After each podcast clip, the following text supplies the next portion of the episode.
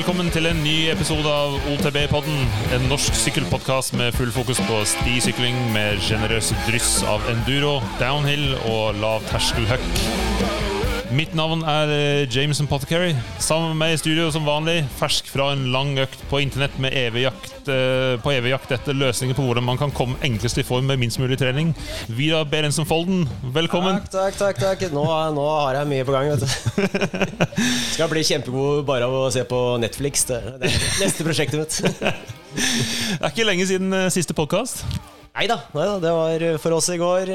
For lytterne kanskje en uke. Vi kommer jo på sendingplanen blir her. Ja, så øh, nå kommer, nå kommer det en del ritt på rekke og rad pga. koronarestriksjoner som har øh, ja, som er, som er, løftet, eller blitt borte, eller hva det heter.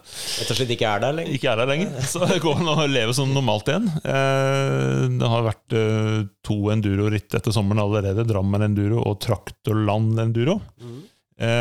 Og så kommer det jo flere ritt på rekke og rad nå. Eh, Nesbyen 5.9. Nittedal ungdomsenduro 11.9. Tror ikke jeg skal være med på det. Nei, det er det. Jeg Vet ikke. Da må du ljuge litt på alderen, i hvert fall. Ja, jeg må nok det. Eh, og så eh, Trysil 18.9., eh, som jeg personlig har tenkt jeg skal kanskje melde meg på. Og så hadde vi nylig, altså Forrige podkasten det, det, handlet litt om eh, hvordan oss uh, vanlig mann i gate, eh, amatører, taklet ritt, eller ikke takle. Breddeidretten blant middelaldrende menn? Ja, det var det vi fant ut. Eh, vi hadde det veldig veldig kult. Noe gikk bra. En god del hadde en god del som ikke gikk så bra. Og som vanlig så gikk vi i en god del eh, feller. Sånn er det. Og på grunn av det så tenkte jeg det var på tide at vi fikk inn en som faktisk har gjort det ganske bra på ritt.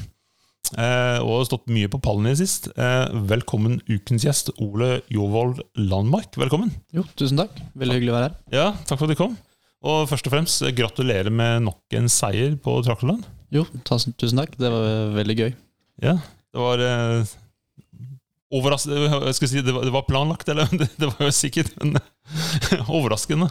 Ja, altså det er jo alltid nervøs og på en måte usikker på hvordan resultatet er. Men uh, man har jo sine på en måte, mål og forhåpninger. Så det er jo alltid gøy når man klarer å, klarer å sykle fort, da. Mm. Ja, du, du, har jo allerede vunnet uh, Drammen-duro, så det var jo litt, uh, hadde litt oversikt over konkurransen konkurrentene. Ja, man får jo får, Jo flere konkurranser man blir med på, så jo mer oversikt får man over hvordan man ligger an og hva man kan forvente seg. Men uh, det er jo veldig mange gode, gode, med, så man kan jo aldri være trygg på, på hvordan man gjør det til slutt. Ja. Mm. Er, det, er det følsom for eh, liksom, måte, dagsformen og den slags? Ja, altså man blir jo måte, man blir jo litt, Er man trøtt og litt ufokusert, og sånne ting, så kan man jo på en måte bli satt litt ut. Uh, satt litt ut men uh, man prøver jo, eller jeg prøver i hvert fall, å holde mitt fokus på, på syklinga og prøve å være konsentrert, så det får til det jeg faktisk vil. da. Men når, når, du vinner, så jeg føler veldig når jeg står Jeg liker alltid å stå og henge litt etter og se hvem det er som vinner, istedenfor å bare sette meg i bilen og stikke av. Men eh, er det litt sånn som på en måte å vinne litt i Lotto når de, når de roper opp navnet ditt til slutt? altså, er det sånn liten sånn usikkerhet eh, som ligger der? Ble det fjerdeplass? Ble det førsteplass? Ja, det er, det er, er litt sånn usikkert og måte, Man er litt spent på, på, hvordan det går, for man har jo sine inntrykk av hvordan det gikk. og eh, I Drammen for eksempel, så tryna jeg på etappe fem, eh, så man, da får man litt sånn angst, og, eller blir engstelig da, for at hva har jeg rota det bort, og hvordan gikk det faktisk? Så det er jo en lettelse på en måte når man får uh, høre hvordan det gikk til slutt. da. I, ja, ja, Av og til så står det jo på sekundene, av og til ikke. Men uh, det kan jo fort være at den minste småfeil var akkurat nok til å bikke en plass i en annen retning. Ja, det er akkurat det. Så det er, man veit liksom aldri helt hvordan man ligger. og det var jo måte, veldig gøy med å ha litt spenning i det, men så er det jo også i, på, på Traktorland Enduro så er det jo fikk man jo vist resultatene med en gang man kom i mål i forhold til tider og sånne ting. Så ja. da kunne man jo følge litt mer, og da får man jo litt mer litt lavere skuldre. Men uh, det er veldig gøy når man først blir, blir ropt opp uansett, da. Ja, kult. Ja, det har jeg sett på noen utenlandske konkurranser, at de, de har litt sånn topplegg at du, du, får sett med en gang du kommer i mål, eller rett etter. Eller ja, det kan man kanskje sjekke på mobilen underveis, etappe for etappe. Ja, ja. I, I, EVS og sånn så er det jo live timing som man kan mm. følge med på hjemmefra, og sånne ting også, så man kan jo sjekke også etappetidene bare, bare man kommer i mål også. Ja. Stemmer det. Sett på, sett på den internettsiden av og til når du er blitt for nysgjerrig. jeg orker ikke. Da går bare i kjelleren. Nei, altså jeg snakker om EVS, da. Ja, sånn, ja. ja. Egen, jeg, jeg, jeg, kan ikke huske at vi har vært på noe live. Nei. Jo, kanskje. Jeg, jeg vet ikke. ja. Men uh, fortell litt, hvordan kom du i gang med sykling, egentlig? Hvordan ble sykling og du valgte som idrett? Nei, jeg Man har jo starter jo alltid som, med å sykle som barn, som jeg regner med de fleste gjør, når man er liksom ja, veldig ung. Men så har jeg jo drevet med ja, sykling siden jeg var jeg tror det er ni eller ti år. Der jeg husker i hvert fall at jeg konkurrerte som i tiårsklassen. Så om jeg var ni eller ti år da, husker jeg ikke. Men jeg har jo drevet med både med, med fotball, bandy eh, langrenn, skiskyting. Eh, på en måte alltid opp gjennom oppveksten. Da. Eh, så jeg på en måte har jo hatt flere, flere ting å holde på med. Eh, men det var ja, rundt i ni-ti år så på en måte begynte jeg med sykkel, og brukte den sykkelen jeg hadde. Eh, og var da med i Meldte meg inn i Bukk eh, ungdomsgruppa, altså Bærum omegn sykleklubb. da. Um, og ja, var med på treninger der, og det var på en måte rundbane som det gikk i da. Det var jo Enduro var vel nesten ikke funnet opp, nesten, tror jeg. Um, I hvert fall ikke jeg hørt om det før. Uh, så det var um, treninger mandag og torsdag, mener jeg, og sykla der og var, var veldig gøy. Og alltid liksom uh, Fikk veldig dreisen for å sykle på, på sti og på uh, Ja, på sti og i skogen, og mm. hatt det veldig gøy. Um, og det var også alltid på Hvis jeg på en måte skulle sykle hjem fra trening eller sånne ting, eller en, på trening, så var det alltid Alltid prøve å holde meg i, i, skogen på vei hjem, selv om det var litt lenger. Det var alltid ja. litt gøy, da. Altså Du ble, ble, litt grepet av det med en gang, egentlig? Ja, det var um, Jeg tror ikke det var mange, mange trening med, med, klubben før jeg liksom var, var sykkel jeg, jeg, ville drive med. Jeg drev jo med liksom langrenn og skiskyting til jeg i hvert fall var 16 år, tror jeg, mm. Eh, til jeg starta på videregående. Uh, og så uh, fant ut at måte, sykkel var liksom det jeg uh, ville drive på med og syntes var morsomst. da, mm. Og holdt meg liksom til det da, og, og, rundbane var jo det det gikk i da. Ja, For du begynte med rundbane? Ja. ja. Det var um, rundbane og ja, Kalascup eller United Bakeries Cup mm. eller hva det nå ble kalt den tida. Eh, Sykla alle de onsdagstreningene og eh, noen norgescuper i 13-14-årsklassen. Eh, og på en måte ble flere og flere jo eldre jeg blei, da. Mm. Um, og starta på NTG på Lillehammer, og gikk der på, på terrengsykkellinja. Um, og da rundbane og trening for å på en måte utvikle seg der, da. Mm.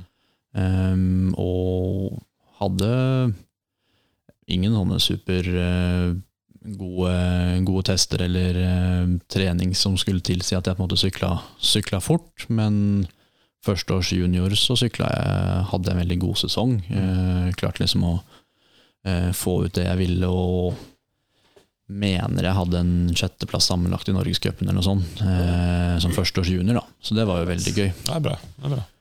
Men når ble det overgang til enduro? Det var jo i eh, tror det var i 2017 så sykla jeg vel mitt første, første enduro-ritt eh, på, på, traktor, traktor bikepark, altså traktor enduro heter det vel da. Mm. Um, og var sykla vel to, to tre enduro-ritt den sesongen, eh, på høsten. Eh, og så var det i 2018, så Eller vinteren 2017, høsten 2017, så hadde jeg knakk i albuen og måtte være utsatt for uh, en skade åtte, uten, åtte, uker uten sykling og hadde noe kyssesyke og sånn som jeg ikke fikk med meg. litt sånn, Så var, eh, var eh, litt redusert og på en måte ikke hadde det ikke så, så, så gøy.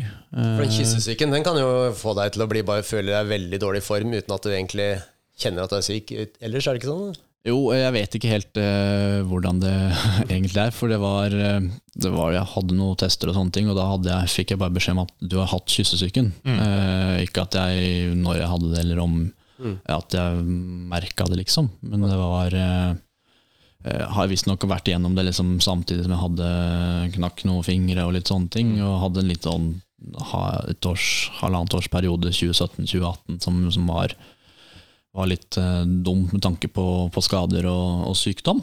Um, og i 2018 så på en måte var det vel uh, førsteårssenior i, i rundbane, da. Mm.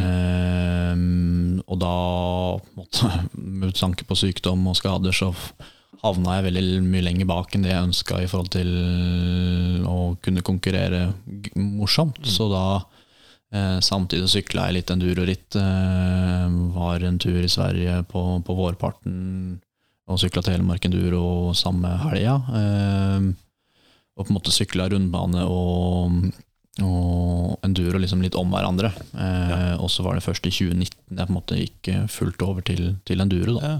De første endurorittene du var på, eh, syklet du dem på endurosykkel, eller hadde, brukte du rundbanesykkel? eller? Jeg hadde på, på en, en, stisykkel, eller en durosykkel, ja. eh, som jeg sykla på. For jeg hadde da, når jeg gikk på NTG, så hadde jeg en rundbanesykkel og en trening der i stisykkel som jeg brukte for å ha det litt gøy og være i havfjell eller eh, litt sånn alt mulig rart. Ja. Um, så jeg hadde liksom en ordentlig sykkel som tålte litt juling, men uh, ikke noe av det råeste eller um, um, røffeste, da. Men noe som holdt til, til det jeg jeg har egentlig forstått at eh, de som går på NTG i Geilo, som egentlig studerer rundbanekjøring hovedsakelig, de er jo de er i veldig mange i Hafjell rett som det er, og ganske god peiling på den delen av syklingen òg? Ja, det er jo Vi har, um, har jo økter med, med, teknikk og langturer med fokus på sti og, og sykle, på en måte bruke terrenget og ha det gøy, så at man klarer liksom å sykle mest mulig effektivt. da. Ja. Um, og på høstparten, når liksom den verste konkurransesesongen er over, så var i hvert fall uh, meg og mitt årskull var en del helger på rad liksom i Hafjell for å, for å ha det gøy. da. Uh, liksom Kobla litt, eller uh, fra liksom den harde treninga mens man liksom fortsatt var i aktivitet. da. Mm.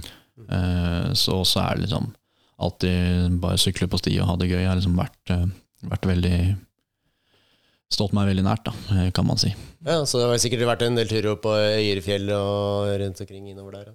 Ja, jeg har um, både på Når jeg bodde på Lillehammer, jeg har også hytte på, med familien på Sjusjøen, så jeg har jo sykla en del derfra liksom på, på, fjellturer og generelt også, så man har liksom fått uh, nyte i den gode naturen. da. Ja, det er utrolig fine turer her oppe. Men så er du også trener. Stemmer. Ja, For Rye? Rye enduro ungdomsgruppe er det vel det de har kalt den. Eh, så det er jo eh, endurotreninger for da å, Jeg husker ikke hvor, hvilken aldersklasse. Jeg tror det er fra 13-14 til ja, 20, 23 har de vel satt taket på, tror jeg. Eh, men det er vel sånn 18-19 de eldste er. Mm. treninger to ganger i uka på, på tirsdager og onsdager, da. med litt fokus på på teknikk og, og på en måte foldeflyt og enduro. da. Ikke så mye intervaller og hardkjør. Mm. Så det er mye talent der eh, på vei opp? Da. Det er det uten tvil. Det er um, veldig mye. Du har jo han som faktisk sykla fortere enn meg i, i traktor, eh, William Skjele. Og så har du jo veldig mange nå unge i år som på en måte har kommet opp. Man, man kan se utviklingen på gjennom året, som er veldig gøy. da. Mm. Jeg ser det er mange som gjør det ganske kvast i den gruppa der. nå. Ja, det, er, eh, det, var jo mye, mye gode resultater på, på Rye, Rye sykkelklubb i, mm. traktor f.eks., så det er, det er, veldig gøy å se. og Det at det faktisk er konkurranser for, for de yngste også, gjør det jo veldig attraktivt å drive med det. da. Mm. Men eh, det jo, passer jo perfekt at du og Bodø er eh, rimelig rask og trener og sånn, for vi tenkte vi skal prøve å få uh, sugd ut av deg all informasjon om uh, hvordan, hvordan uh, vi kan bli raskere. Tenk Hvis man tar det helt fra start, altså, hvordan forbereder du en sesong? Altså, jeg tenker kanskje, kanskje vinteren før et eller annet. Og så tenker jeg, har, har, du noen tips til andre? Sånn, hvis, Hvis noen har tenkt at ok, til neste år så har jeg lyst til å satse på enduro, eh, hvordan, hvordan legger du opp eh, altså, begynnelsen av trening til neste sesong? Når du begynner det? Og Ehm, det har jo egentlig helt siden, litt siden 20, 2018 så har jeg um, slitt litt med motivasjon og egentlig litt hva jeg har lyst til å, å drive med. Så jeg har egentlig ikke aldri lagt opp helt ordentlig for en endurosesong eh, sånn ordentlig ennå. Uh, planen er at jeg skal gå liksom all in nå de neste Prøve å gjøre det i hvert fall neste to-tre åra og gi det en liksom ordentlig sjanse. Og få, få bygd et liksom godt grunnlag og, på vinterstid og sånne ting. Eh, men tidligere så har jeg liksom bare alltid liksom vært i vært i aktivitet og gått på ski, stått på slalåm. Eh, eh, prøvd å liksom ikke sitte stille hele tida. Har en jobb jeg på en måte jobber i butikk, så man har liksom alltid litt i bevegelse. Man sitter ikke stille hele tida. Så jeg har ikke hatt noen sånne spesifikke planer før liksom nå fram til, fram til årets sesong og liksom da neste, da. Um, men det er jo det å egentlig liksom klare å holde eh, holde kroppen og formen ved like gjennom vinteren, så at man liksom ikke starter på scratch liksom ved, ved første ritt i ja, vanligvis Telemark Enduro f.eks. i Norge. Ja. Eh, har man da bare sykla en uke før, så på en måte blir det jo fort eh, veldig brutalt, og, og man kjenner fort at man blir sliten og sånne ting. Eh, så er det å Jeg liker å variere med å gå på langrenn, ettersom at jeg har drevet med det tidligere. Eh, får man liksom både kondisjon og litt Eh, litt eh, mage-rygg-styrke og armstyrke. Eh, og så har jeg senere åra blitt litt glad i alpint eller eh, slalåm igjen, så på en måte stått litt for å eh, på ha det gøy og liksom være, ha lyst til å liksom drive med å være klar til en ny, ny sesong. da.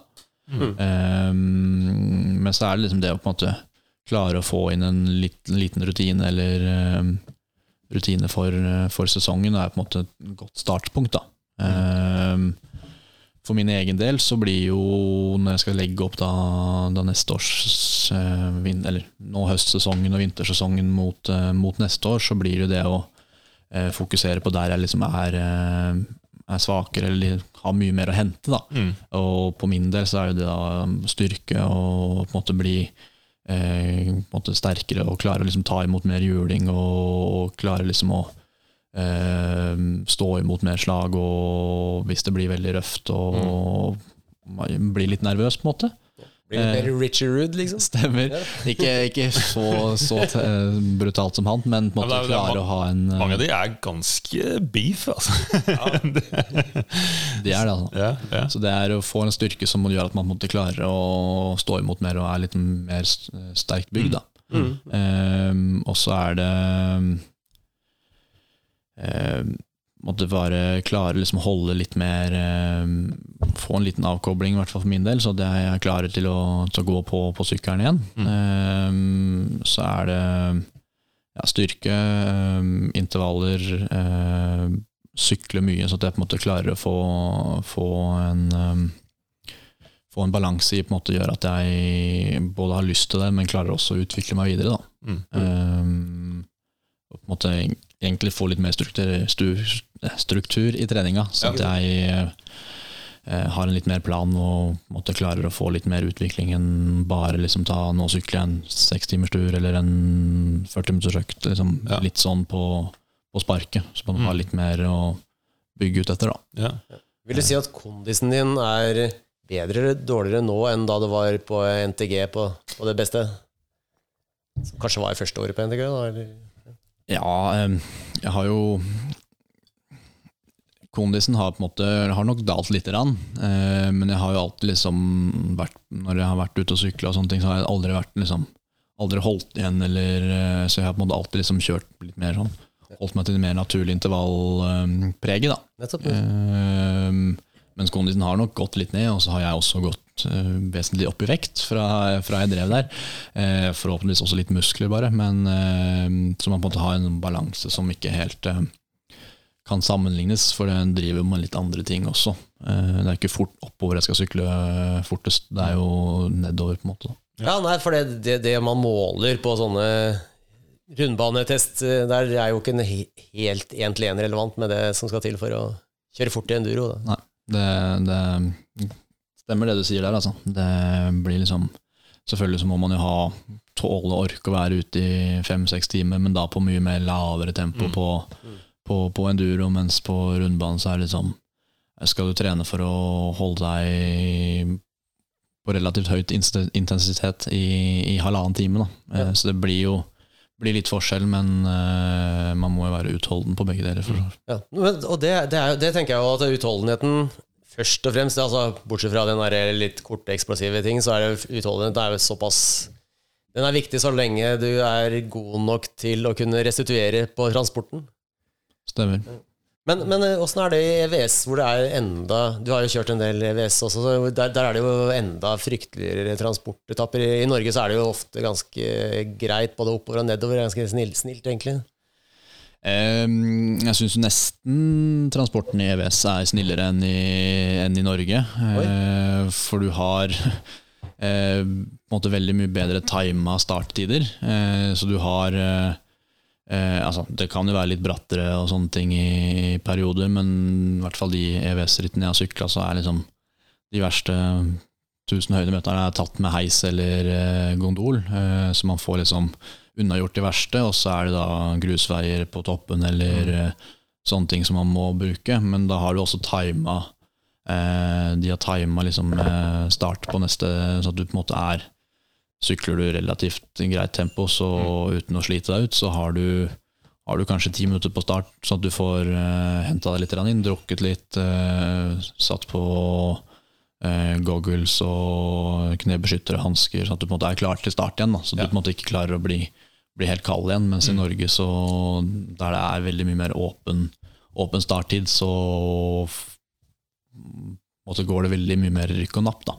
Eh, så jeg foretrekker jo på en måte EVS-strukturen bedre, men eh, det er jo kanskje litt sånn eh, snillere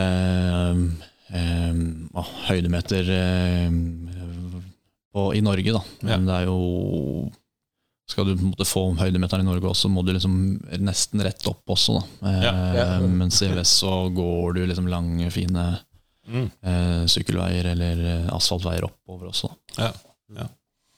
Men eh, det er mange av oss som eh, begynner sykkelsesong, eh, eller forberedelse til neste syk sykkelsesong, med å søke etter ny sykkel. Hvor eh, nå, Jeg vet- litt hva du sykler på, det er, ganske, det er ikke verst, den sykkelen. Men, men hva tenker du, hvor, hvor viktig er utstyret? Hvor, hvor må man ha den feteste sykkel? Nei, man må ikke det, altså. Eh, det viktigste er å ha noe som eh, holder. Holder hele, hele konkurransen og er på en måte en sykkel du føler deg komfortabel på. Så er det på en måte det å unngå på en måte eh, eh, ja, ha for store endringer og sånn altfor tett inn til, til konkurranser og sånne ting. Og eh, veier sykkelen en kilo mer eller en kilo mindre, så er ikke det på en måte det som gjør det store utslaget, syns jeg. da.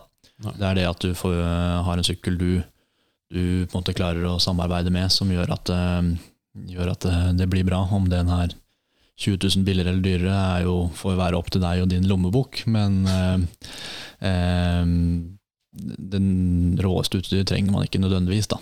Selv om det er veldig gøy og veldig kult, så, så har man jo alltid lyst på det, selvfølgelig. Det er lett å bli fanget i den, den sykkelen der. Det er det, altså. Så eh, jeg har jo selvfølgelig alltid lyst på det feteste selv, men eh, noen ganger så slår fornuften inn av og til, i hvert fall. Ja. Hva, fortell litt om hva, hva er det du sykler på. Eh, nå sykler jeg på en, eh, en Yeti SP 150. Eh, relativt standard ut fra, fra eskene, for den kommer jo som et byggesett. Mm.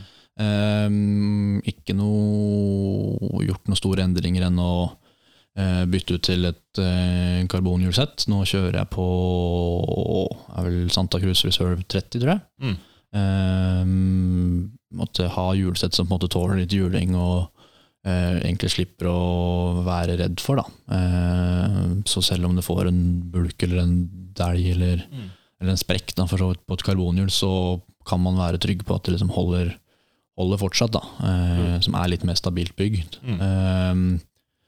Eh, ja, så kjører jeg jo nå Fox Det er en 2020-modell, tror jeg det er det jeg kjører. Eh, så jeg har sykla på den sykkelen i to år nå. Eh, så det er jo da Fox 36 og en oh, Float Fox X2, Ja, eller hva det heter. X2. Ja. Ja. Ja. Og altfor mange ting å justere på.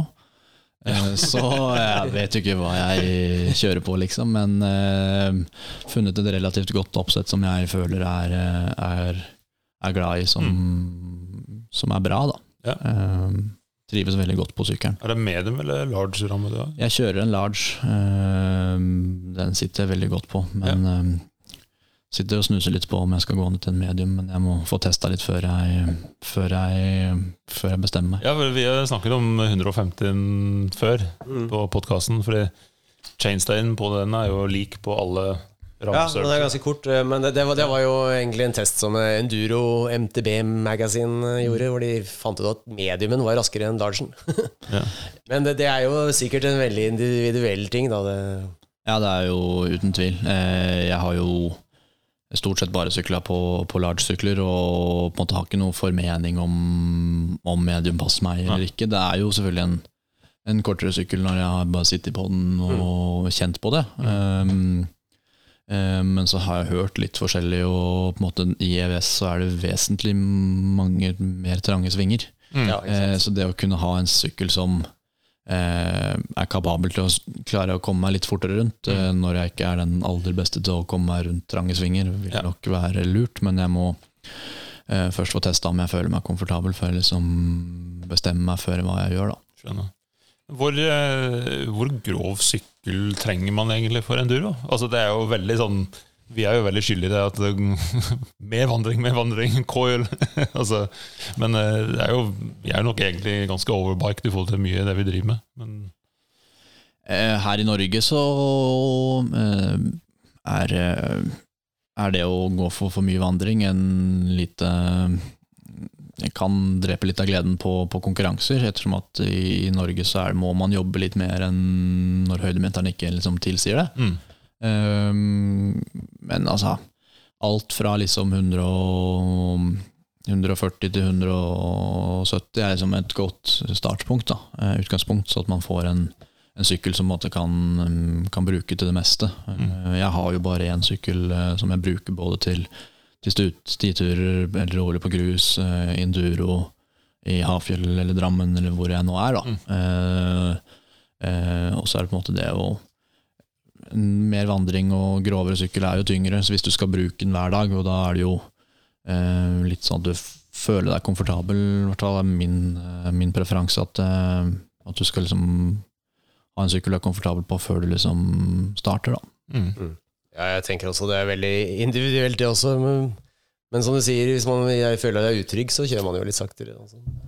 Ja, akkurat det. Så det, det å på en måte få eh, ha en sykkel du er trygg på, og du ser jo på en måte på eh, på de topp, I toppen i EVS så er det liksom ikke Det er ikke én standardstørrelse som på vandring eller på sykkel som, som avgjør om du sykler fort. Det er jo eh, Du har jo Ibis på 140 mil, 5 eller 146 mm bak, eh, med 160 foran, som sykler fort. Og så har du jo har vel Specialized og Enduro og Megatower har vel 170, 170 eller hva det er. Ja, Megatower har vel 160 bak, Ja. men eh, ja. Så det er jo på en måte Man har veldig mye vandring. Jeg på en SP 150 har jo 170 foran og 150 bak. da Eh, Og eh, jeg tror nok eh, de fleste på en måte Så lenge du er har en sykkel du sitter godt på, så sykler du bedre uansett. da Mm. Uavhengig av hvor mye vandring. Hvor mye trener du eh, teknikk? Eh, jeg sett Åh, det er et godt spørsmål. Eh, det er jo Man trener jo litt teknikk eh, typisk på hver økt man sykler, i hvert fall jeg, da. Eh, for man har liksom litt sånne tanker på hvordan den svingen her kjørte jeg, eller hvordan skal jeg kjøre over den eh, stokken her, eller uh, trelinjen i røtten her. Eh, så på en måte hver økt kan jeg på en måte si at det er en liten teknikkøkt. Eh, Eh, Så har jeg jo de treningene på tirsdager og onsdager, eh, der jeg på en måte trener teknikk og på en måte litt det å finne flyten i, eh, på sykkelen og i skogen med, med Ry Enduro og ungdom. Eh, har jo da kall det to økter i uka på en måte med, med teknikk med de. Eh, Varierer litt på hva, hva som ligger rundt av konkurranser og sånne ting, selvfølgelig. Men eh, eh, det går vel svært sjelden uten en økt hvor jeg er på sykkelen uten at jeg har liksom tenkt på litt hvordan jeg kjørte den svingen, eller eh, hvor den linja går. da. For man må jo alltid liksom tenke på eh, linja jeg skal kjøre for at jeg skal unngå å knuse et bakhjul eller eh, falle. da. Mm. Ja, og når, når du underviser andre, så kan jeg tenke meg at da må du tenke to ganger om den samme teknikken, så du vet hva du skal si til dem. Ja, det er, eh, jeg ble veldig mye mer obs på, på hvordan jeg faktisk sykler selv eh, når jeg begynte å, å trene, trene i Rye, eller være trener i Rye. Eh, for man må være eh, Måtte tenke over hvordan jeg faktisk sykler selv, og hva jeg ser hvordan de andre på en måte klarer å videreformidle og, og uh, få det over på, på de andre. Um, uh, og det, på en måte det at jeg har de treningene, gjør også at jeg på en måte tenker litt mer konsekvent og hele tida på, på det, å, det å kjøre teknisk bra og på en måte prøve å utvikle meg hele tida. Mm. Hender det at du filmer deg selv for å se hvordan teknikken din er, om du ikke selv har noen trener? Ja, det, det er svært Det er litt vanskelig når man sykler aleine. Ja, Stort sett så er det jo da øktene mine går jo enten da med ryenduro eller alene. Eh, Dere sykler mye aleine, eh, så jeg ser ikke, sykler ikke så mye og blir filma så mye. Eh, Men det er, eh, det er av og til jeg gjør det, eh, og det er et veldig godt apparat. Og jeg bruker det på en måte mye når jeg trener, for hvis det er en sving eller et parti, så bruker jeg til å filme, for da er det enklere å se Mm. Eh, se tilbake, se tilbake og på en måte huske på og poengtere litt hva man skal gjøre. Da. Mm. Jeg, jeg, har tenkt, jeg har tenkt at mange ganger skal jeg gjøre det selv, men jeg har liksom alltid på tur til å gjøre noe som er morsommere enn å henge opp et kamera i et tre og så kjøre Ja, akkurat det. Det er uh, mye morsommere å sykle enn å stå, Ja. stå og bli filma eller å måtte stå og liksom, terpe hele tida. Ikke sant? Det. Men har du, har, du, har du lært noe sånn teknisk eh, sett sånn Kan du tenke på noe som du fikk sånn skikkelig aha-opplevelse? Sånn Oi, shit, det, der løste det seg. Eller, eller har du alltid vært litt sånn naturlig god teknisk uansett? Og eh, nå er redd for å si at jeg er eh, teknisk god eller eh, måtte ha vært naturlig god på det, eh, men jeg har liksom alltid ja, Siden jeg starta liksom med terrengsykkel og, og rundbane, har jeg alltid vært glad i å sykle på sti og har falt meg litt naturlig. Eh, vært glad i liksom prøve å finne flyten og alltid liksom vært glad i å sykle. Aldri vært glad i de største liksom, utfordringene. Liksom litt reservert på, på store hopp og dropp og de bratteste steinrøysene. Eh, måtte vet jo at jeg liksom har litt eh, har, eh, kan finne fram selvtilliten til det, da. Men det er, har vært liksom falt relativt naturlig, men så har du jo Når jeg gikk på NTG, så hadde vi en del teknikktreninger, og på en måte fikk liksom litt sånn rettelser hele tida, som på en måte har klart å bygge videre på. da. Eh, men det er det jeg på en måte å i hvert fall synes jeg bruke, klarer å bruke kroppen aktivt på sykkelen. Eh, I hvert fall eh, for å klare å følge terrenget og på en måte få vinkla sykkel godt ned i svinger og sånne ting. Det å klare å bevære litt aktivt på sykkelen gjør at man får klarer å få posisjonert seg. Da. Og det, på en måte, det merka jeg Følte jeg liksom klarte å poengtere litt mer når jeg var nede i Italia i, i sommer og sykla. Klarte liksom å fokusere litt på det, så at jeg fikk eh, klart å kjøre mye bedre svinger og på en måte løsna litt sånn automatisk. Og det å få klare å vinkle kroppen hofta ut når man svinger, og få lagt ned sykkelen. Mm. Det har vært, har vært eh, det som jeg har lagt mest merke til. da. Mm. Hva er, det, hva er det vanligste du ser som andre sliter med? Eller er litt, litt forskjellig i forhold til personene? Ja, det er jo litt forskjellig fra person til person. Eh, men det er at det man eh, kan se litt, er at man er ofte er litt veldig stiv på sykkelen, eller liksom ikke klarer å måte la sykkelen bevege seg under deg. Eh, og på en måte la, klare å, å bruke terrenget til liksom det Å utnytte det som er, ligger til rette. da. Mm. Ehm, og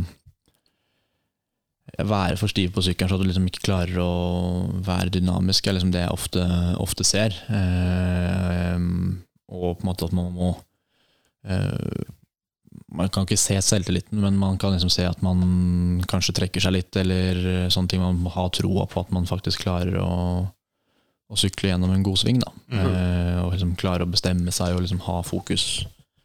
Eh, I hvert fall litt mer eh, på akkurat syklinga der og da. da. Mm.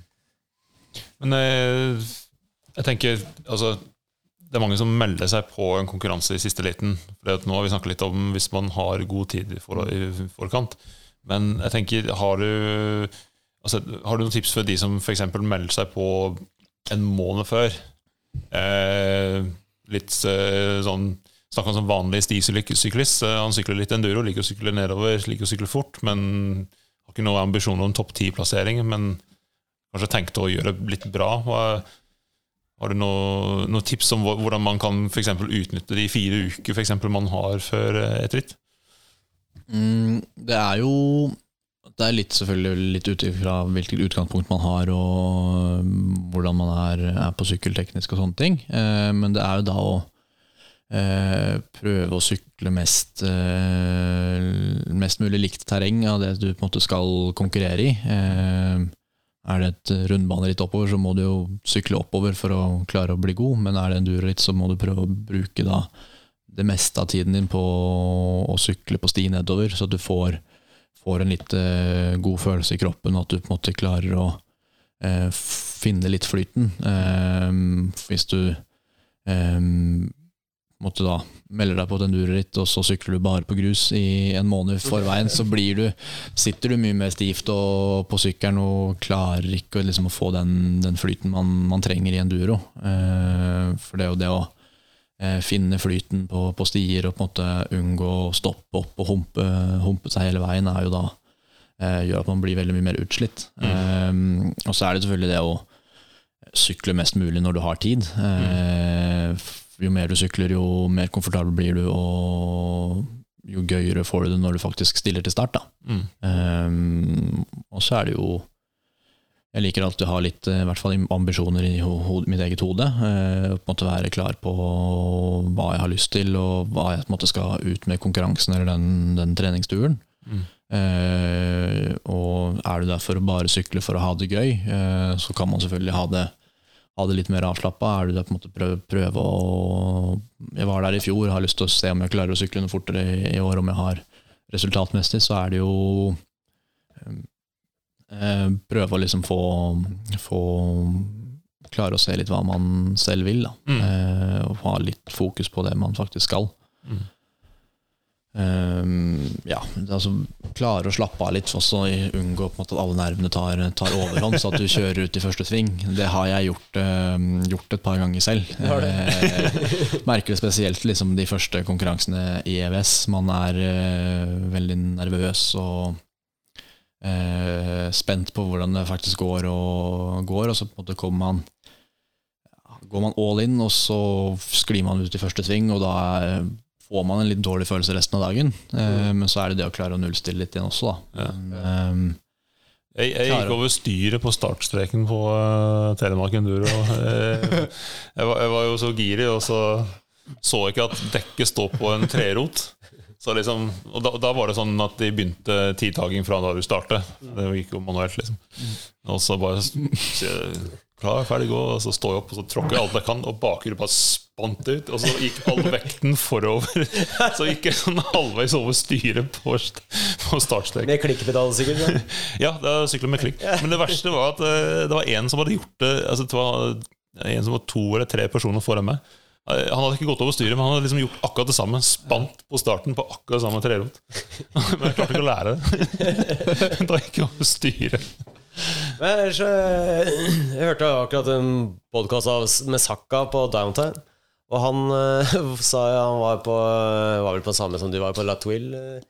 ja, jeg var både i Val di Fassa eller Canasei og, og La Tuille. Ja. Eller Tuil, eller hva man nå Jeg har ingen aning hvordan vi uttaler det. man får, eh, får så mange La inntrykk av Tyle. Ja, La Tuil, eller eh, det Ja, i hvert fall, han, han sa han fikk, eh, fikk litt selvtillit eh, når, fordi Eddie Masters starta foran. Og han kjørte ut i første sving. Krasja skikkelig i første sving. Og da tenkte jeg hvis han kan gjøre det, Da kan jeg bare slappe av. Ja. Da, da, forsvant, da forsvant all, all angsten hans. Altså. Ja, det er, det er, eh, man merker jo det. Bare man kommer seg godt trygt gjennom første sving, så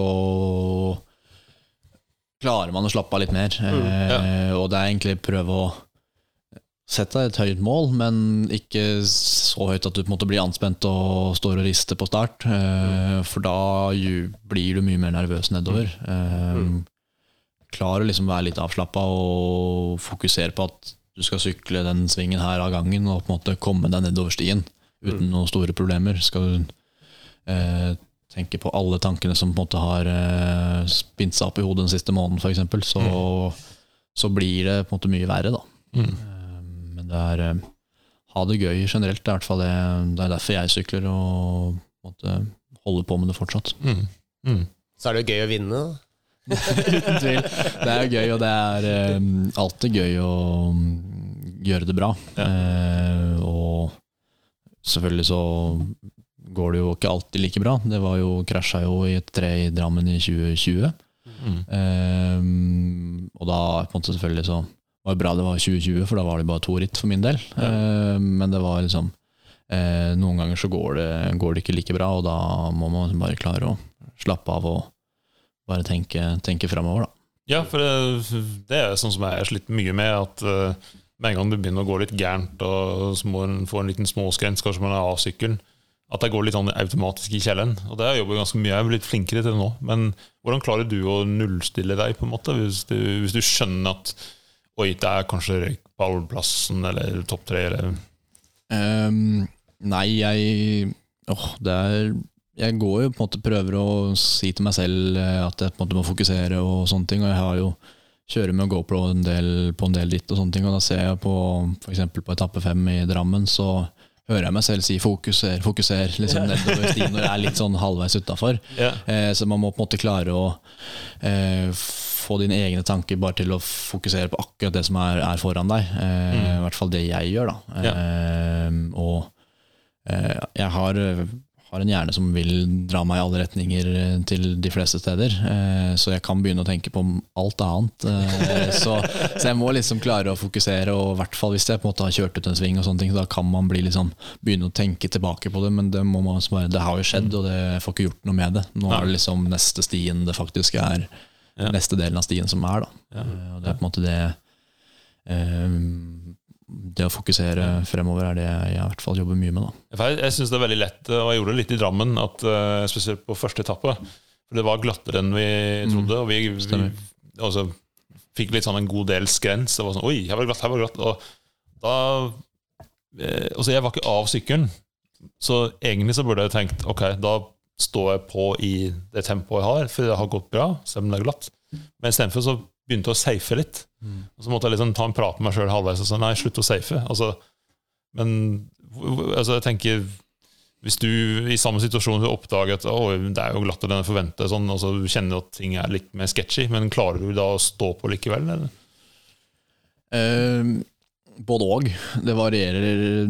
Der er det jo litt dagsform som slår inn på hvor klarer jeg være på hugget klarer jeg være, eh, og litt hvilken setting jeg er i og, og sånne ting. Eh, men eh, er det ofte det er jo ofte litt sånn man, Det er flere som måtte, en kjenner at hvis man får en liten skrens i starten av en etappe eller et starten av et ritt, så det, måte, blir man litt mer reservert. Eh, men da er det det å eh, måtte prøve å få pusta og fokusert, i hvert fall det jeg gjør. Og mm, måtte prøve heller å kjøre, kjenne at det her er glatt på alle røtter som ligger i innersving, f.eks., så må jeg på en måte legge meg ut eller klare å hoppe over og sånne ting. Og på en måte tilpasse litt kjørestilen på, på hvordan jeg er, eh, og hvordan føret er. Eh, og det må man jo på en måte også litt når eh, når det er støvtørt på gjennomkjøring og det er, er, har regna natta Ja. før, liksom. Um, men det er det å Man må på en måte prøve å klare å være på hugget fortsatt. Da. Mm. Eh, og altså, sklir jeg ut i en sving, så er det en sving som har, er forbi. Og på en måte bare si 'nå fikk du med deg fart videre', eller eh, eh, måte så er det bare det å tilpasse litt hvordan man, man angriper stien. Mm. Eh, for eh, det er jo ikke, det er ikke bare én måte å, å kjøre stien på.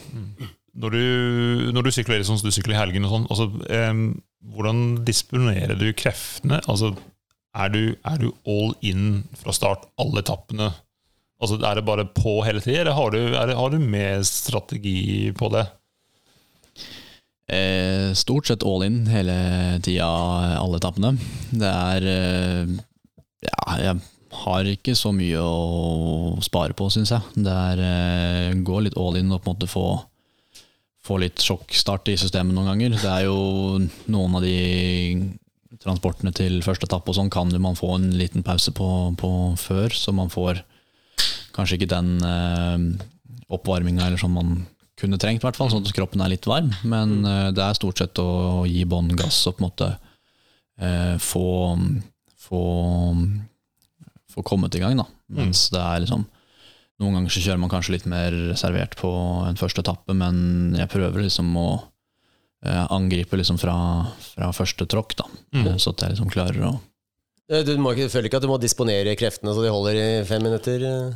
Eh? Nei, altså Jo, kanskje litt, men det er sånn Jeg har jo drevet med, med rundbane og sånn tidligere, så det å holde ut liksom med litt syre i, i fem minutter er jo for så vidt ingenting når man har liksom holdt på med i halvannen time, da. Ah, Ja. Eh, og så er jo syre og smerte bare midlertidig, som jeg liker å si. så, så det å ha litt vondt det gjør det jo bare bra, og så får man jo god tid og pause i transporten til å spise og, og på en måte få vispa ut syra så man er klar igjen til neste økt, da. Mm. Eller neste etappe. Ja. Det hender ikke at du liksom er, er igjen et eh, halvt minutt og du er helt tom i armer og bein? eh? Ikke skjedd det nå? Ikke sånn uh, som jeg har uh, lagt veldig stort merke til. Uh, man blir jo sliten når man først liksom kommer mot slutten, men det har aldri vært sånn at jeg aldri har klart å holde styret eller eh, komme meg ned. Jeg har liksom alltid klart å være litt på hugget, da. Mm. Eh, så er det selvfølgelig man merker det litt i henda etter, eh, etter fem-seks, opp mot 15 minutter, liksom, på, på, på spesielle etapper. Mm. Og, men jeg syns det er, blir for dumt å holde igjen litt også, syns jeg, da. Mm. Det, måtte jeg for å sykle fort og gi alt, da. Ja, ja. Det, det høres ut som en god plan. Det. Mm. Jeg kom ikke så veldig langt i siste rittet. Jeg mista en sykkeldel i tredje etappe, men eh, De to før det så kom jeg i mål med altfor mye krefter igjen, egentlig. Trodde jeg skulle gå tom. Men jeg har også merka at jeg går tom, for jeg er jo ikke like god form som deg. Men eh, jeg har egentlig merka stort sett at tricepsene begynner å bli for slitne etter så mye slag og sånn, men der, det, tror jeg kanskje er jo også um, så, så god teknisk som du er, så kan du, klarer du sikkert å slappe av litt i en halvt sekund eh, hver gang det er litt rolig, eller jeg vet ikke hva som er måten å restituere på. Jo, man må jo på en måte utnytte de, de svaberga eller en grusveien her til å på en måte få sprika litt på fingrene eller eh, rista litt løs i overkroppen, for det er stort sett overkroppen jeg blir sliten i hvis jeg først blir sliten, da. Ja. Eh, pustinga og, beina klarer jeg liksom å tolerere, mens det er sånn um, er ikke den rå overkroppsstyrken helt ennå. Eh, så man må på en måte uh, riste litt løs og få sprika fingrene så at man får, får litt følelsen igjen. Og så er det uh, bruke bare de mulighetene man har, og så gjøre liksom stien så, så smooth som mulig da, ved å på en måte unngå verste steinene og røtter og hoppe litt og på en måte utnytte terrenget. da. Mm. Uh, mens det å uh, ja, det å gi alt på en måte, er liksom det jeg syns er gøy. da, på, Ja. på det. På måte, man skal kjenne at man er litt sliten, men så er det, det den gode transporten etterpå på en måte med å få vispa ut og fylt på energi og få henta seg inn igjen til neste, er, veldig, er veldig behagelig. da. Mm. Tar du mye sjanser? Og så tenker Hvis du kjører litt blindt, og så kommer du høy fart inn i en sving Du vet ikke helt hvordan utgangen er. Eh, Tar du en sjanse og regner med at du klarer å redde deg sjøl inn eh, hvis det skjer noe, eller? Og det er, varierer litt der òg. Altså, eh, det er ehm, Jeg føler meg litt mer altså, Det er noen av de, de ungdommene som jeg trener, som er eh, veldig mye mer glad i å hoppe og, og sladde og på en måte dunke inn i partier enn det jeg er. Jeg er litt mer eh, litt mer, mer reservert, føler jeg. da Eh, Litt på en måte Prøver å være litt mer forsiktig og prøve å finne en, s- finne en linje gjennom som jeg klarer å Klarer å få med meg fart og ikke på en måte risikere noen store, store ting. Eh, på et blindt ritt så kommer man fort inn, så må man liksom tilpasse seg litt der og da. Eh, og kommer jeg fort inn i en rock garden som jeg ikke helt har oversikt, så må man jo bare holde seg på, på en måte. Eh, klare å se den linja du skal ut. Eh, begynner jeg å tenke på at oi, der er det stor stein jeg kan treffe hodet med eller eh, kjøre inn i, så kjører jeg jo inn i den steinen. Eh, det er, Du, du treffer det du fokuserer på. Liksom. ja, det er akkurat det. det er, uansett hva du tenker på eller sykler på, så havner du der. Da. Uh, Samme litt med hvis du blir stressa på start og tenker på at nå skal jeg ikke kjøre til svingen. Da kjører du til svingen. Uh, Tenker du på at jeg skal kjøre den svingen bra, så er det i hvert fall mye større sannsynlighet for at du kjører den bra. Da. Mm. Men det er litt sånn Tar det litt på sparket, i hvert fall på blinderitt. På, på når det har vært gjennomkjøring, så har jeg jo sykla den, den stien og den linja, eh, så da veit jeg hvordan det er. Mm. Eh, og da kan jeg også se på der det er de verste partiene, der det liksom er eh, mest konsekvenser, så har jeg funnet en linje jeg syns går fort og er trygg på. Eh, krasjer jeg der, så taper jeg mer tid enn å sykle litt saktere gjennom det partiet. Mm. Hva, hva er triksen dine på gjennomkjøring? Hvis det er bare én gjennomkjøring, som man ofte har, da, så, så må man jo Kanskje man vet man klarer jo ikke å memorere absolutt alt. Er det noen regler, hva, hva triks, eller? Eh, Jeg kjører jo med, stort sett med GoPro på, på gjennomkjøring, um, så at jeg kan sitte og se på, se på det når jeg kommer hjem og spiser middag, eller eh, ligger i senga, eller hva jeg nå gjør på kveldstid. Um, og så er det det å Jeg liker veldig godt å sykle hele stien i ett, stort sett. Eh, prøve å unngå å stoppe på hvert parti som er, eh, man kan se på. Det er partier jeg sikkert kunne stoppa på og funnet en bedre linje, eh, men jeg liker å få en generell flyt og følelse av hvordan flyten i løypa er. Mm. Eh, på hvordan jeg liksom klarer å eh, håndtere det. er liksom litt vanskelig å sette, sette ord på, for det er liksom mer sånn hva jeg selv føler. Mm. Eh, og har på en måte alltid vært glad i å uh, kjøre måte mest mulig. Uh, uh, unngå å stoppe for mye, ha liksom minst mulig pauser. Mm. Um, og så selvfølgelig er det jo Er det drop og rock garden som jeg på en måte kommer feil inn i, stopper jeg, så går jeg litt opp igjen og ser på, ser på partiet, så det er liksom ser hvor jeg skal kjøre, og så kjører jeg, og så kjører jeg videre. Da. Mm. Så på en måte har jeg liksom tenkt på det, og da har jeg det alltid på, på film på hjelmen, så at jeg liksom kan eh, se det. da Mm. Um, og så er jeg eh, Stort sett husker jeg veldig mye av de traseene jeg selv sykler. Um, selvfølgelig er det ikke alle svingene jeg husker, det er noen jeg bommer på, for å si det sånn. Uh, men uh, um, har i hvert fall en følelse på hvordan, hvor fort jeg kan sykle stien. Uh, Sykler jeg hele stien hele veien, så har jeg en mye mer følelse av hvordan jeg faktisk kan sykle fortere på den, også på konkurranse. Ja, ja, for det er jo litt forskjellig å se på en sti og sykle den veldig fort. Ja, det er akkurat det. Det, um, det å um, Stopper Timingen, for eksempel, er Ja. jo helt annet. Akkurat det. Stopper jeg liksom hver 500 meter eller 200 meter, eller hva det er, så klarer liksom ikke å koble sammen de, de seksjonene som kommer etter hverandre. Da. Ja, for jeg har gått i den felle no, noen av rittene jeg har vært med der kan, der det er gjennomkjøring. Der jeg er blitt liksom veldig opptatt av noen få detaljer. Altså, som du sier, dropp eller rock garden, et eller annet som er litt sketchy. Og så bruker jeg all tid på det, og så går jeg bare og tenker på den ene tingen som jeg kanskje gruer meg litt til, eller liksom tenker litt sketchy, og så går jo resten av etappen litt til helvete, for jeg kan ikke huske noe annet.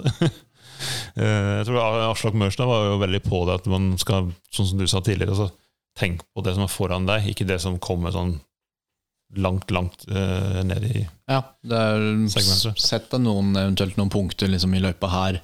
Eh, her er det en lang, lang slette før en høyresving. Eh, her veit jeg at det partiet kommer, så er det på en måte bare å Når du kommer til det partiet, så er det liksom innstilt på her er den linja jeg faktisk skal kjøre. Eh, og selvfølgelig så er det partier jeg gruer meg til, så har jeg eh, alltid, Jeg prøver å sette meg sånne punkter, da, så at jeg får, eh, får et inntrykk av når det er, Altså så at jeg liksom kan bremse litt ned, så at jeg kommer meg riktig inn, og så heller slippe på igjennom, da, så at jeg får en bedre utgangsfart, Mm. i stedet for å komme brusende inn og måtte bråbremse og skli inn i en rock garden eller inn mot et dropp, eller så at da mister du på en måte mye mer kontroll også inn i, inn i partiet. Mm. Eh, For det å miste kontrollen er i hvert fall ikke noe gøy, syns jeg. da. Nei, det, Er du, er du nøye på dekkvalg? Nei. Nei. Det er ikke veldig. Eh, Jeg får litt kjeft av, kan man si, av de, de, jeg, de jeg trener, at jeg kjører for, for svake sidevegger eller eh, ikke maksgrip eller hva det mykeste kummeblandingen. Mm.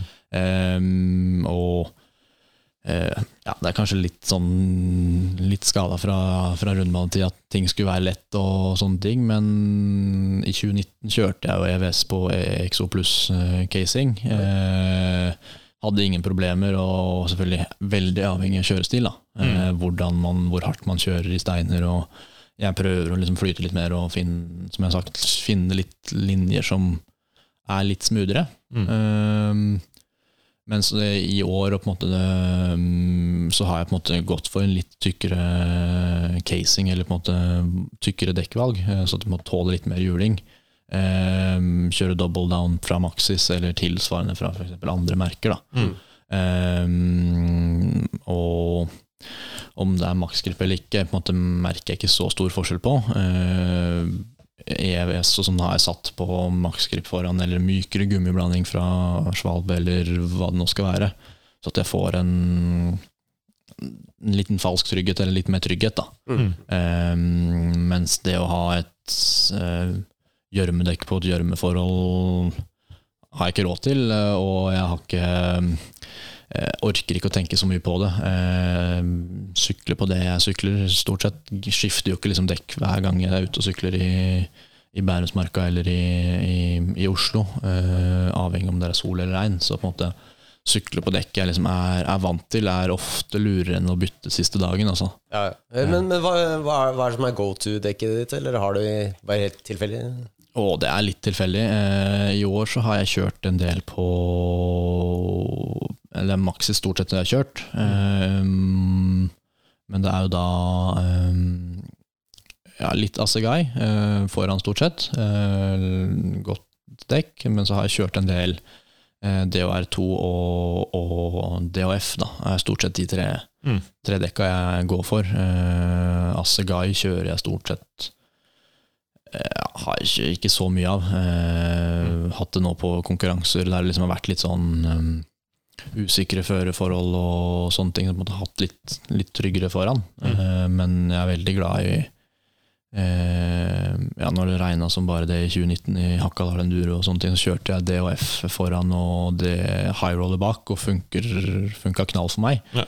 Eh, og er på en måte glad i liksom ja, de fire dekka. da. High Mm. roller, Minion, DHR og DHF og Assegai. da, er på en måte det jeg stort sett kjører. Mm. Eh, Så prøver jeg meg alltid litt med, med litt forskjellig på, for å se om det er noe jeg kanskje liker bedre, men Ja. pleier ikke å være så pirkete på det. altså. Nei, Når du kjørte med Exo pluss, brukte du innlegg inni, eller brukte du bare veldig mye luft? eller? Jeg, jeg bruker innlegg og ganske lite luft. Eh, kjører mindre luft enn man kanskje tenker. Eh, Syns det er mer smoothere og mer, eh, mer komfortabelt. Eh, aner ikke hva slags dekktrykk jeg kjører, fordi jeg bruker bare tommelen. Ja. Eh, dekktrykk og sånt. Jeg pumper på pumpa mi opp til 30 eller 40 PSI, så slipper jeg ut med ventilen, og så her er det ok, og så får jeg heller fylle på med håndpumpa, liksom. Eh, det å begynne å måtte sette meg inn i hvor eh, hvor mange PCI og sånne ting blir for mye å huske på, og orker ikke å begynne med det heller. Det selvfølgelig, kunne sikkert vært lurt, for hvis man finner et eh, dekktrykk som har bra på, bra på ett føre, så kan man legge det igjen. Men, Fort gjort å gå i den fella der. ja, men jeg har eh, stort sett, stort sett kjørt um, bare finger, eller tommelfingermetoden. Så Tommelfinger, tommelfingerregel? Ja, stemmer. Bare kjent og måtte vært happy med det, altså. Det Bruker for mye tid på litt sånne små detaljer. Tar synes jeg, litt fokus vekk fra, fra det å faktisk sykle, som er det som er faktisk er gøy. da Har du noe Altså, kvelden før ritt og på dagen, har du noe ritual eller noe ting du gjør spesielt, eller? Eh, kvelden før så er det jo ofte um, Eller det, starte, det starter ofte liksom til to dager før. Um, på en måte At det bare gå over uh, at sykkelen funker. Uh, at bolter som sitter, og at det liksom ikke er noe som har tatt kvelden. Uh, også eventuelt liksom er det sett på værmeldinga at det liksom er litt annet føre, så kanskje bytte dekk liksom to, tre, fire dager før, så dere som har sykla litt på det. Um, og så er det at liksom sykkelen henger sammen og ikke hatt noe problemer med det. Um, de siste to-tre ukene har jeg sykla med en senkepinne som uh, sagger litt, rann, fordi jeg ikke vil ta den store reparasjonen så tett inntil konkurransen tilfelle den plutselig liksom sprenger. Da. Uh, så da har jeg liksom venta til denne uka her for å kunne, kunne ta, den, ta den reparasjonen. Um, ha ting som, som funker på sykkelen, som jeg vet hvordan er. Um, I stedet for å sette på et nytt gir rett før konkurranse som, ikke, eller, som er helt nytt, så sykler jeg et som jeg har sykla med i en måneds tid, som jeg da vet hvordan girer, om jeg har det i, i, i hånda eller fingeren. Eh, og så er det mm, ja, det er litt avhengig av hvordan opplegget til selve konkurransen er. Da. Om det er gjennomkjøring eller ikke. Så er det jo er det gjennomkjøring, så sykler jeg gjennom løypene med, med kamera. Så er det da å mm, vaske sykkel og på en måte sjekke bare dobbeltsjekke en gang til at liksom hjulet og styret sitter, og at liksom ingen bolter er løse. eh, For det kan liksom riste litt løs. Eh, og så er det mm, eh, spise godt, eh, få sett litt på, på, på videoen igjen, så det som har fått en liten refreshment. Eh, Videoene ser jeg ofte også til f.eks. frokost på, på morgenen. Mm. Eh, for å få aktivert hjernen og på en måte klare å gå litt inn i, i konkurransemodus. Mm. Um, og så er det det, prøver jeg alltid å finne fram liksom sykkeltøy og eh, liksom utstyr og mat eller gels eller sånne ting jeg skal ha med på tur mm. eller på ritt, sånn at jeg liksom har det klart. Så at når jeg står opp, så er det å spise frokost, se litt på, på videoer og, og skifte, da, så må du å slippe å måte begynne å stresse. Ja. Um, er ikke alltid den mest strukturerte, men ha noen ting på plass, så er det greit å uh, greit å på en måte forholde seg til at man slipper å måtte begynne å leite etter ting. Da. Ja. Det er bedre å liksom gjøre det litt på, på kvelden før, så at jeg er, er sikker, på, sikker på hvor det er. Uh, så jeg får en litt mer behagelig morgen. Uh, og så er det ja, kvelden før, bare, ja, som jeg sa, spise, slappe av og liksom hente seg inn Mm. etter en lang dag. For det er jo ofte Skal du sykle gjennom fire-fem etapper, så er det jo ofte ute fire-fem timer da Mm. eh, dagen før også. Så man må liksom klare å få henta seg inn. Det er jo ikke man konkurrerer jo ikke, så man blir ikke så dødssliten, men får henta seg inn og være klar da, til Mm. dagen etter. Mm. Um, så er det det å på en måte eh, På start så er det det å, å klare å gå inn litt i min egen boble. Uh, prøve å liksom stenge ute og ikke eh, bli tatt av enhver hver impuls som skjer rundt meg. Uh, fokusere og klare liksom å eh, sette liksom eh, øya og kroppen mot at nå skal jeg starte, da. Mm. Um, Liker du å altså, Tenk på de enduro-rittene der man kan bestemme sjøl når man skal begynne. Liker du å komme i gang så tidlig som mulig, eller? Både òg. Eh, noen ganger har jeg vært seint ute, noen ganger har jeg vært tidlig, noen ganger har jeg vært i midten. Eh, det jeg ikke liker, er å måtte stå altfor lenge på, på start. uh, før liksom Eller stå i kø på start Mm, før jeg på en måte må starte. Ja. Uh, som eksempel i Drammen eller sånne ting, så er det jo blir jo alle uh, dytta inn i heisen, og så må man jo stå på topp kanskje en halvtime. Mm. halvtime da. Uh, da vil jeg heller liksom kanskje uh, enten være sånn at jeg er først, så at jeg liksom er, men da har du også ofte måttet vente på, her i Norge i hvert fall, på, på damene som starter foran. Mm. Um, da kanskje klare å holde igjen litt på parkeringsplassen, få spist en ekstra brødskive eller uh, uh, sånne ting, og så heller da sykle opp en 20 minutter seinere, sånn at jeg da Mm. kommer bare 10 minutter før start, eller uh, før køen er ute, da. Mm. Um, men det varierer litt sånn, hva jeg gjør, og hvilket vær det har vært dagene før. Og, så det er liksom Setter meg en liten plan på det, men glad i å unngå å stå mest mulig stille på, på start eller eh, i mål. For da stivner jeg og på en måte blir litt, litt rastløs og begynner å tenke på andre ting. Mm. Mm. Ja, jeg tenker, tenker på om vi sto i kø. Det var sikkert ikke noe positivt bidrag, egentlig. Nei, vi var Altså, første etappe, Mm.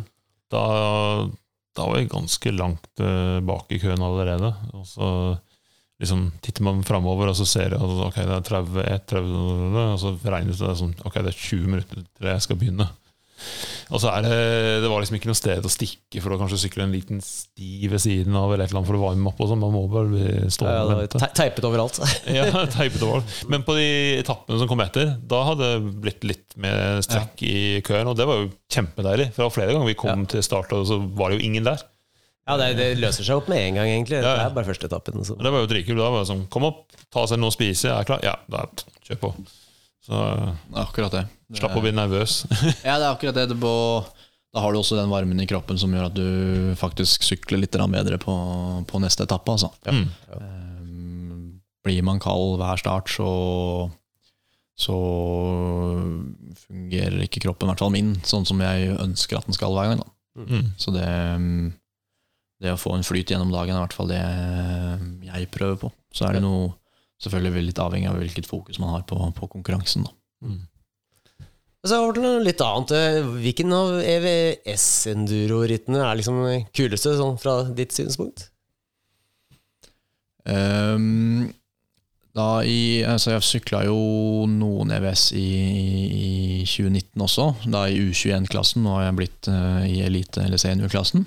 Ehm, da sykla jeg jo kan eller Val di Fassa, som jeg også sykla i år.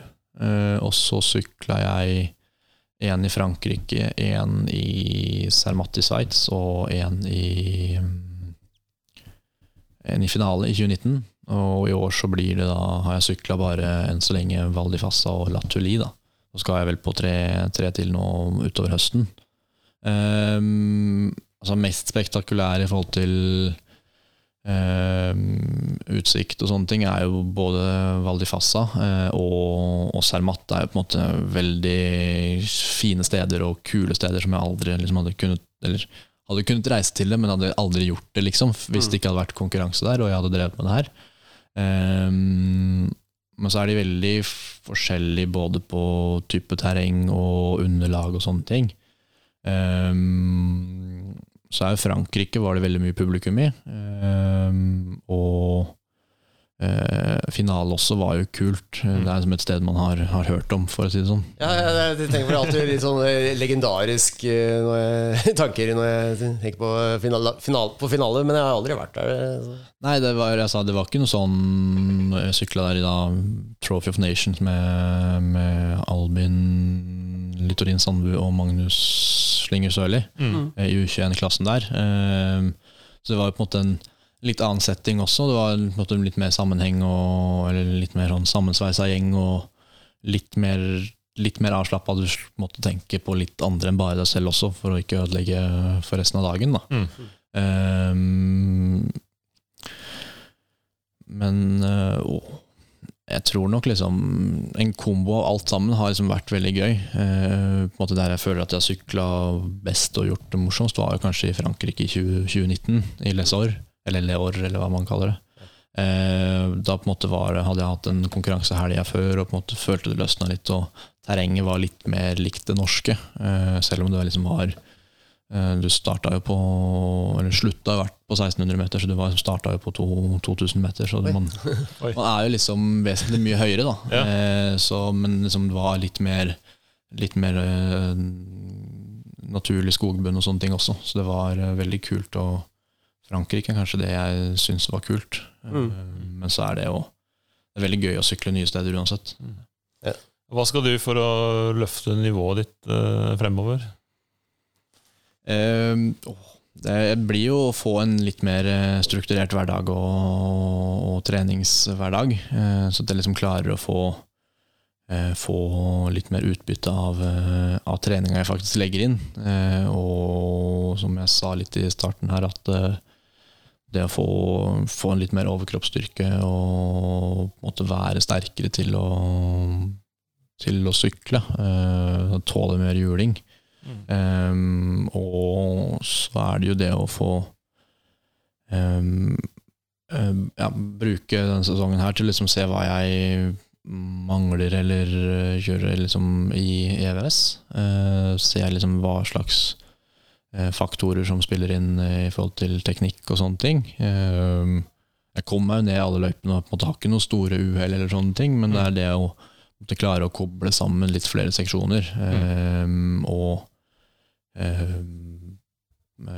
få en litt mer strukturert hverdag, for nå er det litt mer, så, litt mer hva jeg har lyst til, og hva jeg gjør. Mm.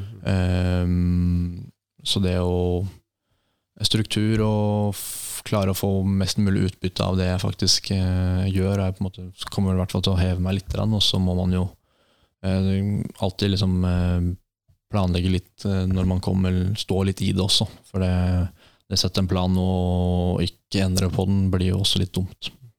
Har du sponsorer? Jeg har noen, noen sponsorer. Jeg har jo eh, Anton Sport som på gjør at jeg klarer å få sykle på, på Yeti. Mm. Eh, og så har jeg noen eh, eh firmaer og, som støtter meg eh, litt økonomisk, at jeg klarer å få reist, reist ut. Og så er det ambassadøravtale med, med Sweet Protection, da, så det får ha klær og utstyr som måtte gjøre at jeg ikke, ikke skader meg. Da. Mm. Er det vanskelig å skaffe sponsor i, i Norge på enduro? Ja, det er nå er ikke jeg den som er mest glad i å selge meg selv heller, eh, fram mot, eh, mot folk eh, og bedrifter. Eh, men eh, treffer man riktige folk og, og, riktig bedrift, så kan man få, få godt med støtte, eller i hvert fall få, få, litt hjelp på veien. Eh, men det er ikke like rett frem som f.eks. hvis man holder på med langrenn eller alpint i Norge. da. For det er jo vesentlig måte, enklere opp opplever jeg, da. Mm. Ja, det, er, det, er, jo folkesportene, så de ja, kaster seg over, egentlig. så, men det er, det er, veldig mye folk som syns sykling er kult og har lyst til å drive med, og på en måte man må jo bare jobbe aktivt. Mm. Eh, og på en måte aldri gi opp, da. Eh, for det plutselig så treffer man, og da eh, har man noen sponsorer man har, får litt støtte av eller eh, hjelp med gjennom, gjennom en del år. da. Mm. Så det er veldig, veldig gøy, det, da. Det vil vel sikkert hjelpe litt liksom, når du satser litt og er litt i utlandet og blir litt ekstra sett, altså. Ja, det mm, Man må jo liksom prøve å få promotert seg selv og være uten, ute og på en måte eh, klare å plukke og snappe opp litt, eh, litt ting og mm, ta med seg ting som man kan, kan bruke videre. Eh, både enten det er på sosiale medier eller er hvordan man prater med folk, eller eh, hvordan man skal ta, ta, for seg denne um, situasjonen man er i. da. Mm. Eh, så man lærer Jeg lærer hele ting lærer ting hele tida, da. Ja. Kan du manuals? Nei. ikke i det hele tatt. Jeg måtte spørre. Eh, nei, det, det, er Er jeg heldig, så klarer jeg tre-fire meter, liksom. Eh, men da har jeg prøvd liksom ti-tolv ganger i forveien, hvis jeg klarer én gang. Eh, så er ikke jeg er ikke den jeg jeg syns det er gøy å holde hjula på bakken, jeg, ja, da. Eh, det er kortere vei til bakken da, hvis man skulle dette. det viser seg egentlig Du har vel nesten spurt alle vi har hatt på Men det viser seg at det er ikke noe rekvisitt for å måtte vinne enduroer i Norge, det. Ja. Nei, jeg trodde, jeg trodde, alle som var skikkelig raske, kunne manuals, men uh, det er ikke riktig. Nei, tydeligvis ikke. Nei, så Da kan jeg bare droppe å lære manuals for å komme på pallen. Det. Jeg trodde du hadde droppa det allerede. jo, jo, jeg har det. nei, nei jeg, kan, jeg, kan, liksom ikke dra på manual på, på, asfalt, men jeg jo, kjenner jo til teknikkene og på en måte klarer å utnytte det liksom på å pumpe en dump eller sånne ting mm. i skogen. og det det å øve på det er aldri dumt, og jeg på en måte klarer jo å dra wheelies på en måte og sykle oppover. Eh, mm. Men på det å klare å være kjent med teknikken, så at jeg klarer å bruke det på sti når jeg sykler nedover, er liksom det jeg har mest fokus på. da. Ja, det, er eh, det, er ikke, det, er ikke, nytt for meg, og det er liksom heller ikke det jeg er best på. da. Mm. Det viktigste med en manual sånn racingmessig er vel å pumpe manual gjennom en grøft eller en dump. Eh, men Stemmer. Det viktigste sånn show-off-messig er egentlig å kunne holde en 100-200 meter lang en på asfaltvei. Ja. Da pleier jeg bare å stoppe på toppen og så vente til alle har eh, sett de andre. Ja, Vi begynner å gå mot slutten nå, men eh, så bare lurt på eh, siste spørsmål. Altså, hva er en, altså, utenom konkurranse, hva er en drømmedag for deg på sykkel? Og hvilken stier og hvem? Å, det er um, Jeg har ikke noe spesifikk sti, eh, egentlig, på, på hva jeg liksom må sykle. Eh, det å på en måte kunne klare å, å bare få en eh, Få en langtur eh, på sti, eh, både med oppover og nedoverbakker, er veldig Syns jeg er veldig gøy. Eh, pleier å dra ut på 17. mai og få tre-fire-fem timers turer eh, i skogen når det ikke er noen andre der. Da er det veldig deilig. Eh, og så er det å Sykler du i bunad? Nei, eh, sykler i sykkeltøy. Eh, det blir for varmt ellers. Nei, altså det, det er på en måte generelt bare være ute og variere litt med å sykle aleine og sykle med, med kompiser på, i bikepark eller på stitur, er eh, liksom Finne en sånn kombo man kan gjøre generelt hele tida, syns jeg er veldig gøy. da Kult. Jeg har prøvd å selge inn fire-fem timers eh,stiturer på 17. mai hjemme hos kone, men det Ja, jeg kommer ikke veldig langt. Nei. Nei, det er fordelen med å bare ha, ha med seg selv i hvert fall. Nyt det mens du kan. Ja, men Sinnssykt kult. Men uh, det er ingen gjest uh, som får lov å komme innom her uten at de må uh, ta seg en eh, tur innom uh, Skriftesolen, rett og slett. Så Bare velkommen inn. Takk, takk. Ja. Så har på, har du, har du noe på eh, samvittighet som du har lyst til å, lyst til å dele med oss? Ehm, jeg har jo noen sånne småting. Um, prøver å unngå de største flausene selv. Ehm, men det er jo noen, noen eh, småting jeg prøver å påpeke veldig hos andre. F.eks. det å ha brillene utenpå hjelmstroppen og, og sånne ting. Det ser veldig mye bedre ut, og man får litt bedre Litt mer ro i sjela. Eh, men det kan hende at jeg faktisk tar de innenfor hjelmstroppen noen ganger når jeg sykler nedover. Da, men da er jeg kjapp igjen til å få de, få de utapå når jeg skal sykle opp. Altså. Har noen fotograf tatt deg dette noen gang? Og i så fall har jeg bedt dem slette de bildene. Eller, eller drept dem? ja, nesten det. Nei.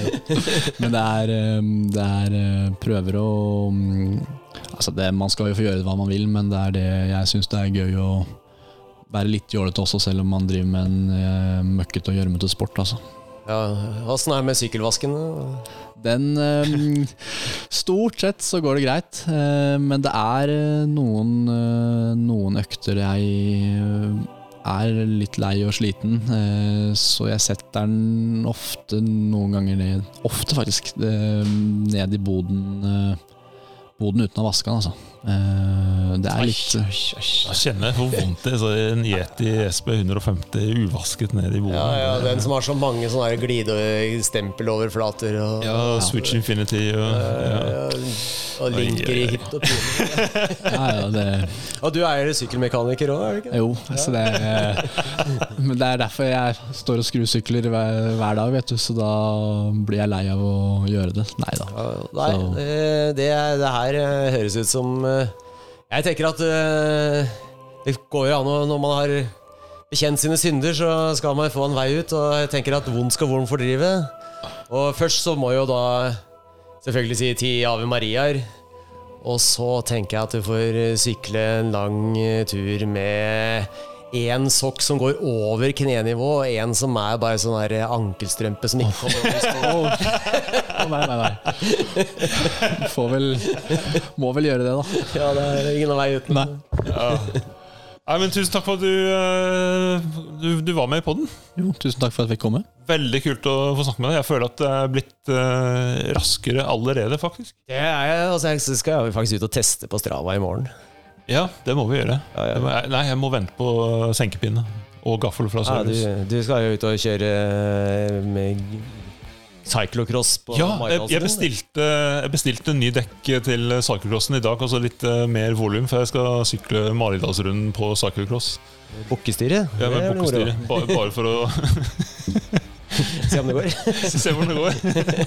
Nå er det ute på Strava, så, så ellers har det ikke skjedd. Ja, ikke Ja, er sant? ja, men Tusen takk for at du var med. Tusen takk. Veldig kult. Takk. takk.